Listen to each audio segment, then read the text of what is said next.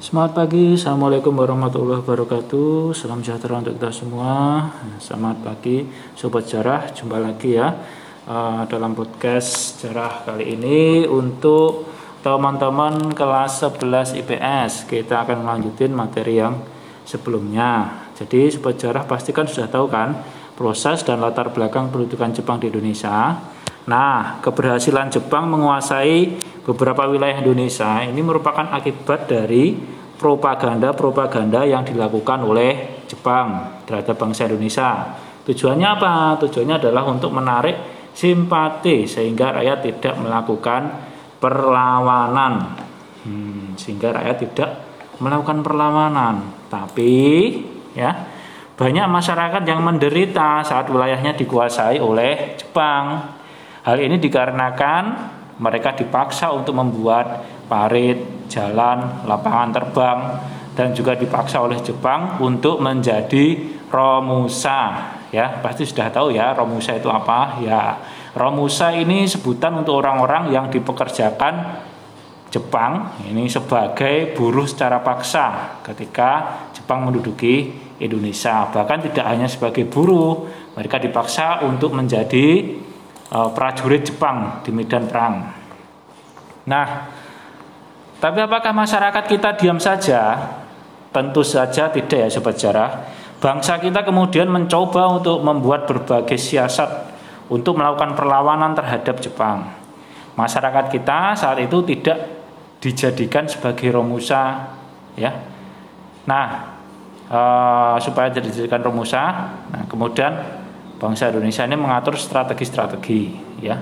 Mulailah bangsa kita dengan strateginya melalui organisasi-organisasi yang dibentuk oleh Jepang dan juga melalui gerakan-gerakan underground ya gerakan-gerakan bawah tanah. Bentuk perlawanan rakyat Indonesia ini berbeda ya. Akan tetapi tujuan dan cita-cita perjuangan mereka tetaplah sama. Apa? Mencapai kemerdekaan Indonesia. Jadi ada dua tadi melalui organisasi ya merupakan jalan damai yang ditempuh untuk menghindari korban jiwa dari rakyat. Ini cara seperti itu. Yang kedua perjuangan melalui gerakan bawah tanah tadi ya. Ini perlawanan menggunakan senjata ya.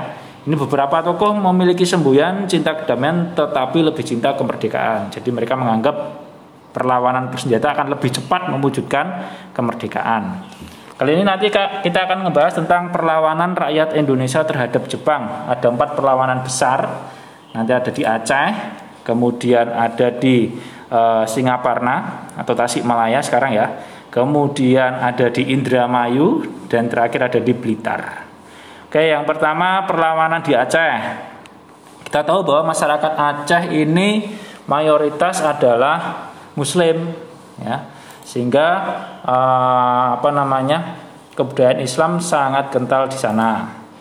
Nah, Aceh menjadi salah satu wilayah yang dikuasai Jepang pada waktu itu. Masyarakat Aceh diperlakukan dengan sewenang-wenang dan mengalami penderitaan yang cukup lama karena banyak rakyat Aceh yang dikerahkan untuk Romusa. Akibat hal itu, pada 10 November 1942 ini terjadi penyerangan. Penyerangan terhadap Jepang di daerah mana? Di Cot Plieng. Penyerangan tersebut dipimpin oleh Tengku Abdul Jalil yang merupakan seorang guru ngaji ya di daerah Cot Plieng. Ya. Nah sebanyak dua kali ini Jepang berusaha menaklukkan wilayah Cot Plieng. Nah, dua-duanya pun berhasil digagalkan oleh rakyat Aceh dengan serangannya dan berhasil memukul mundur Jepang ke daerah Loksmawe. Jadi kemudian pada serangan yang ketiga, nah Jepang ini berhasil merebut Cat Pliang. Ya, dan Teguh Abdul Jalil harus gugur di tempat yang saat uh, waktu itu sedang beribadah. Terus kemudian yang kedua adalah perlawanan di Singaparna atau di Tasikmalaya. Ini secara garis besarnya saja ya. Nanti kalian juga dapat melakukan literasi ya uh, melalui berbagai sumber. Oke, perlawanan di Singaparna atau di Tasikmalaya. Nah, kira-kira apa nih sebabnya ya? Jadi Singaparna atau Tasikmalaya ini juga menjadi salah satu wilayah yang berhasil diduduki oleh Jepang. Nah, pada masa itu rakyat Singaparna dipaksa untuk mengikuti upacara yang disebut Seikere ya Seikere Upacara ini merupakan bentuk penghormatan ya terhadap Kaisar Jepang Hirohito pada waktu itu ya. Kemarin sudah Pak Nova jelaskan dengan cara membungkuk ke arah matahari terbit. Nah, dengan cara seperti ini, masyarakat Singaparna ini merasa sangat dipermalukan dan dilecehkan ya.